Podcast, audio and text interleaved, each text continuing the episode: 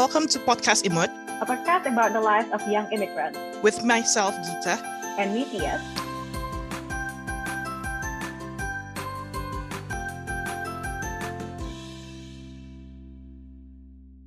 I remember Mbak Anggi mentioned that social support is not about friends, it's not about people around you, but it's also about your comfort stuffs, like finding food, finding your nail shop, and everything. But okay, let's go around the table. Start with Mbak Anggi. What's your biggest struggle Coffee. in yeah, hundred percent. But what's your biggest struggle in terms of the social support other than the people? What what's the biggest struggle that you found so far? Mm, I think my biggest struggle is um other than friends, finding a way to get the fitness done because typically I always go for um a one-to-one like personal trainers kind of things, right? So I do have my Pilates instructor, I do have my tennis coach, and similar like friends and and for me i think as times goes by they've kind of like becoming my friend also whenever i feel like um, i'm stressed at work whenever i feel like you know i don't have enough motivation. They they're there to i mean it's part of their job but i do feel that they are also playing an important role to keep me motivated um, from a physical standpoint so that i can stay fit and have a healthy mindset. And so that's basically very important. Um, so now is when I move here, now I need to find all of these people, right, that I can connect with. They have the type of a coaching style that suits Mm. mine because of course there will be a lot of like capable coaches and trainers but may not fit me i don't like a certain style and you can only know whether you like you will match with this kind of trainers once you try it but even trying is an effort Yeah. right so yeah, Yeah, absolutely. Yeah. I think go. I mean, you know, I was I was just Yeah. thinking wh- when when Maggie started talking about like her PT, and I was like, Will, that's such a different life. Like I don't know. Totally Yeah. can't relate. yeah, I can't. yeah, I can't exactly. relate. Absolutely. I was like, I can't relate. But, but, but, I was thinking, well, in a slightly, I mean, it's a similar pain, but a different person. Actually, one of my bosses, uh, I actually consider her to be like one of like my social support system right now as well because we uh, we get along very well. We just like we just talk about like random stuff quite often, and her children followed me on Instagram, and I was like, this is a bit weird because her children is like 14 and 11. I was like, oh, I have to make sure I don't post, um, you know, like non-child friendly things on Instagram. And I was like, I, I, I like, I know her family quite well now. Uh, but yeah, so, so you're right. Now, now I'm thinking, yeah, it's not just about like the friends, friends, but also like, well, for you, it's like a PT uh, that suits you. For me, I guess like a boss whose family now I've come to know as well. What about you, Gita? I Like, think I can you consider you kind as my things? social support when it comes to getting myself fit because I mean since the pandemic of course I, I can't go to the gym anymore so we've we've started doing this home workout since last year and I, I mean after yeah, we haven't been with you working out the past couple of weeks, but Yeah. still, like we just like went to like podcast recording every time. Now we don't want to work out. Let's just record an episode. yeah and then I'm gonna take a month out during Ramadan anyway so exactly. Oh my god. We, we Yeah. have to start again after Eid. yeah but Masrio has his social support in the futsal team so it's also a different story in it between No, I mean maybe, maybe that's not a social support yet. And then um, so we're talking about the biggest struggle, right? That was the question, right? yeah All right. Sorry, the struggle. Sorry. The struggle, right? So first of all, Sorry, that- totally cannot right. relate with Mbak Anggi's PT comment because I don't go to the gym. Yeah, exactly. Like, I don't do stuff like that. I'm like the unhealthiest cousin among the ten, probably. Um, exactly. Like, so you're the well, only at one least I'm in the bottom PT? three, probably. Um, but for me though, like the hardest part is actually finding uh like real friend, you know, not necessarily a lot of friends, but like real friends. Yeah, because yeah. Mm, we agree as human, especially in uh, when you're an immigrant, you know, you have such an inferiority complex. You know, you try to conform to like other people, like this around you, and Mm. that can be dangerous because you're not being yourself anymore. And then like you're afraid to say the wrong things. You're afraid to not be accepted. So the biggest struggle is actually finding a person where you actually can be can be can be yourself you know? Like i can tell this person anything. So it's almost like finding um, a soulmate in a way but um, you need that in a friend also you know like because you you have to have someone where you can be honest uh, about your struggle without feeling being judged. And i'm like fortunate enough to have like a couple of them here. So like I, I- I don't have to like keep it all to myself in a way. So i think that's the biggest struggle at like i have my close friends in indonesia but i can't just keep you know calling indonesia if i have issues. And now it's okay technology have come a long way but when i moved here the first time in 2006 there was no smartphone you know Yeah. internet wasn't Yeah. really Oh like my God, you're widely old. available in Indonesia. And blackberry was Oh, born. wow. Calling like someone old. Oh, hello. I'm sorry. I didn't say you can it. relate I didn't comment anything about it. Yeah.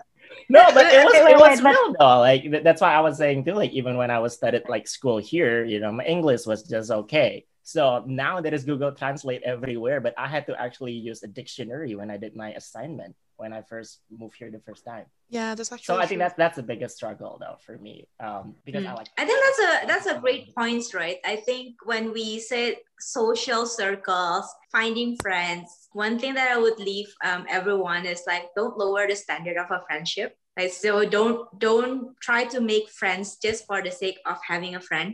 You need to Yeah. make sure that first it's mutual and don't force it. Yeah, That's why like what you're saying, you were um, Tias was saying like, oh, I'm not sure if like what would they think about me. If they don't want to be friends with you they will try to avoid you and you knew it anyway right? Instinctively.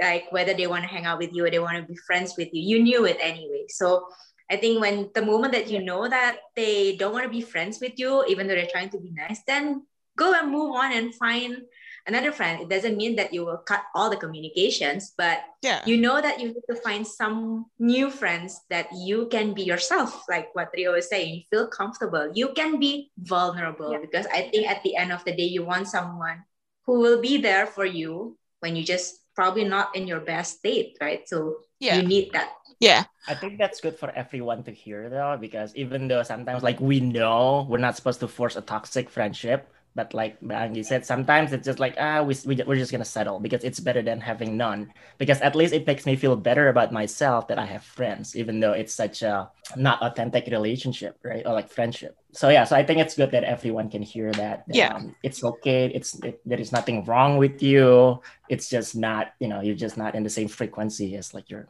actually, I wish I learned what Mbak Anggi said earlier when I was 17. Because to be honest with you, when I just started uni, I still feel the need to fit in. I think, well, I reckon it's just what typical teenagers feel, in it. I only start learning about how it is actually okay not to f- be able, I mean, not to fit in with certain groups that you, you actually don't feel belong in. I, especially, I feel that way since I grad. I mean, just before I graduated from uni. But yeah, I think that's a good message to hear. Really, that's always be yeah. you I'm actually Yeah. wondering uh, because Mbak Anggi, you, you mentioned that uh, you probably perceive the difference com- uh, between like Australia and now is uh, mostly because well you used to be a student and now you work. There's a lot of things that changed since your Australian days, right? So you used to hang out with Indonesians. Now you don't actually like search for Indonesians anymore. You just like you said earlier, you just start with one friend and that one friend you also like sort of like network your way uh, to get to that new friend. But um, is there anything else? Because um, like you said well people are in like different life stages now. Do you uh, do you consider like more difficult now because you are in like um, maybe like plenty of um, your old friends already have families but when you're building new friends do you do you have like any such difficulties? Because maybe other people don't really have time to hang out. Mm. So then I think that's where I need to create um, a new social circle, right? So I need to find friends who has a common interest, preferably, of course, um, within the same life stage, so you have Yeah. more times that you can uh, go. I still hang out with my friends as I move here. Uh, I met with a couple of my best friends, but the frequency um, for me meeting them cannot be as often, right? So before I'll hang out with the same group of people, like they are the kind of friends that I'll hang out every weekend. But now it's not available. But for other certain issues, let's say when I when I feel so down about work and I still trust them, I will go to them. But in terms of like coffee, find like a new cake place, a new brunch place, uh, then I need a new I need the new friends. And probably like the friends that I used to have before is like my all-in friends, right? So I, I, I go out with them, I go for coffee with them, I trust them with all my heart and soul. But now I kind of like need to have different people to fill in a different role. So I have friends who enjoyed coffee and like to explore coffee. Then whenever I go at coffee, I'll go and find this friend. And then when I want to go and try out brunch places, uh, I will find a different friend. And um, when I go and want to exercise, I will have a different friends who enjoys exercising. So in a way, it's it's kind of like expand also my social circle, but the depth will be different. So that's yeah. something that's um, um, for me that I need to accept it. Like there are, I will not have my all in friends, but I can still have it from different kind of people um, that's also now for me is because in my age, like most of my friends are um, either married or already having kids, right? So I kind of like need to go younger, right? So go younger and um, who is not there yet, but have the level of maturity because I think that's also important. So I can still connect, and it's also helped me to stay young and up to date with what are this new generations is um like having. TikTok, like TikTok, like TikTok, correct. but I think like what Mbak Anggi said is really important though. Like it, I I can totally relate because you know back then when we were like teenagers and stuff, you know, like we tend to think like okay i have a friend and my friend have everything that i need for but the you know the the, the older you get the the more that you realize that um it's not always the case. So like like what Mbak Anggi said is actually a perfect example of compartmentalizing, right? So you have a friend for this, you have a friend for this. So that way, like no one is feel forced to do something that they don't like, you know? So yeah, so I think that's also important. So like I, I think Gita and Tias can also answer. I can't really answer this because I've only lived in two different places, right? Jakarta and then Wisconsin. But you know, Gita has lived in Jakarta, Gita has lived in um, London, Manchester, and then Tias has lived in I don't know, somewhere in Europe. Uh, somewhere in Europe. I don't know, somewhere in Europe. But I don't know. I'm American. This is like U.S. education system. Uh, somewhere in Europe, yeah, that's fine. Yeah, somewhere in Europe. But no, somewhere in Europe. In Indo, in, in Indo, also, though, Tiaskan has lived in different yeah, cities. Yeah, I, I, I did Indo, move. Like, yeah, that's right? true. And then Mbak Anggi has lived in like different countries and different cities and all.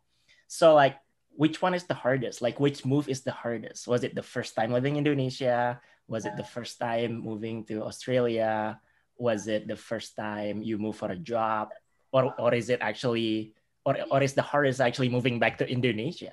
Hmm, that's a very difficult questions to answer because I think every move have their own challenges. I think for me, it's the culture is the most important thing for me on like how different the culture in one country versus another country. So for me, I think within Southeast Asia, it's pretty much quite similar. For me, the most challenging part was probably Thailand, is because of language barrier. So that is probably one of the toughest move in a way that I'm not able to communicate as easily, even to a taxi driver to get me from one place to another place. Their words and alphabets are different. I cannot read, like even until now, I can I can speak a few words that's for survival. But that's the challenging part, right? So that's why I think Thailand is probably uh, one of the most challenging part. But I do love that place. I would love to come back for another assignment in Bangkok because the place is just so nice and the people are actually really nice. And it's the food. Hard to communicate. Yes. yeah. So that's for me. Gita. Okay. Mm, to be fair, I haven't moved to different countries, but then I've well during my stay in UK, I've lived in three different cities. So I've lived, well, I did my uni in Manchester and then I moved to Gloucester, not London, to clarify. So Yeah, I, I, was about to say like Yeah. never in But yeah. London, never in London. but yeah, I was in Gloucester for my That's project. how much I know about Europe. That's fine. but yeah, I, I was in Gloucester for seven months. and then after that, I moved to Preston, which where I am now. I reckon the challenge among all what Masrio mentioned is to lose my social support from my previous city because when I would, especially when I moved from Manchester to Gloucester, I've lived in Manchester for five years, and then in all of a sudden, ish, I had to move to a city which I've never really heard of before. And when I came to Gloucester, it was a bit of plot twist because when I was in Manchester, it's very young people friendly, and then I can get pretty much everything that I want, like food, friends, all the nightlife and everything. But when I went to Gloucester, well, the environment is mostly comprised of elderly, so like grandma and grandpa. At least that's what I found when I went to the town center. And then when I tried to make friends, like because there's not many, I mean, the university there is not as big as Manchester. So I couldn't get in touch with the people there, as in like the people who are of my age or actually people who I can talk like that can talk of the same topic. So I still had like I I got in touch with a family. Well, they're a nice family to be fair, um, in Gloucester. So I know this family from someone that I know from Manchester. So I I touched base with them a couple of times, but then I haven't seen them since I moved from Gloucester to Preston. And to be fair, when I moved from Gloucester to Preston, I feel like I'm in heaven because Preston is actually not too far away from Manchester. So I could actually, I thought in my mind, I could actually get back to the social support that I had when I was in Manchester. But then I got another plot twist because, as you all were, I've graduated for two and a half years. So, like what I mentioned before, all my friends are all gone. But then, yeah, I mean, to be honest, I think as I grow older, I'm a cuek person. What can you can someone on the floor translate what cuek means? I don't know. It's it's not ignorant, but No. um, no, but it's close. Um, I think it's more of like I don't No I don't really care. like I don't really give a fuck about like what I fit in. I mean, if I would fit in in this place or not. I think in addition to that, I moved to Preston in the. I mean, when the pandemic just started, so I'm. I just make an excuse like no one can go out, so I don't really care. And then i mostly I make good use of video calls and technology to get in touch with people that I've known for a while. And to be honest, did you I think only yeah. moved to Preston like last year? then? yeah, yeah, exactly. That's around- just the start of the pandemic, innit? That's Oh, when wow. we went to have like our Lebaran video call. Like Gita Yeah. just moved. Yeah, yeah. Yeah, but yeah, she just moved Really? in with all of her um oh yeah, yeah, Yeah. all the cardboard boxes that Yeah. she still hasn't unpacked. And Uh, yes, and she was uh, showcasing her non-halal drinks, right? Yeah. Yeah, to- like Yeah. to be honest, I don't mind. I don't mind revealing this to the public because, um, to be fair, a lot of Oh. people already know about it. I To was, honestly, I was so amazed with how courageous you are, and actually how open your parents are. yeah, Really. surprisingly everyone was chill. Like no Yeah. one was like, oh, astaghfirullah. Yeah, I'm actually, sur- I'm sorry. I, I knew Gita for a while, so like I know like how comfortable she is with her lifestyle. I mean, let's be real. You know, we do stuff, but we don't reveal, we don't talk about it in front of our parents because then when it become real, I, right? I, I don't. I'm sorry. Oh. I, I remember this Oh, yeah. conversation. Or maybe it's Um, just us, we Gita. were in PIM like years ago, like very Yeah. very young. We Yeah. were talking about drinks, about we were talking about alcohol, Yeah, and little and Ligita was still in Jakarta back then, and Tias was just like, "What is this kind of like things that you are talking about?" what does it taste like? I've never tried. it's okay. Good Yeah. but yeah, I mean, to conclude that, I'm actually quite grateful to have my parents who are kind of open-minded. Never know what's gonna happen in the long term, but yeah. Um, thank, thank you, Ibu and Bapak. And thank you for Gita's parents, so we can use that as a as an excuse for our parents. I don't want my parents to get told off by their siblings, okay? but anyway, get back to that. So I think to summarize all my like all what I've gone through about all the struggles, I think I just have. I mean, if I want to stay in the indus- the construction industry, or if I want to stay in the nature of the job that I've been doing, I think I have to just keep dealing with well the struggle is to move around. But on another note, I actually have the option to to say to my employer that I want to settle to certain area, like what what Mbak said about the employer asked her whether she doesn't mind moving around. But I think in my, at my in my current stage of life, I don't mind moving around. One reason is because I want to explore the UK as a whole, not just certain part of area. And then the other thing is once I'm I reach certain age, well, for example, when I have family or when I have more um, responsibility on certain stuffs, I think it'll be more difficult for me to move around. So I just make the most of being able to move around, you know. Okay, who's next? So I live in like some places in Europe, like our editor mentioned. By some places, it's like the one is like in Warsaw. Um, well, but like when was that? That was like seven years ago and then Groningen. I also live in two places in Europe. The move was actually I, I didn't consider like the moving part difficult because I was in Warsaw. I was only there for six months. It was and it was my first time in Europe, so I was just like, wee! Oh my god, this is so exciting! So like I was uh, in, in in Warsaw. I was just like you know, just like hanging out with like classmates. Mostly, I I hung out with other Erasmus students because they were also all international students looking for friends. So for me, it wasn't that difficult. And moving to the Netherlands was also not difficult, but after like two years, that's when like my friends, my Indonesian friends moved back home and I had to start like making new friends. That's when I was like, oh no, especially after like two years, like the gleam and excitement, they died already.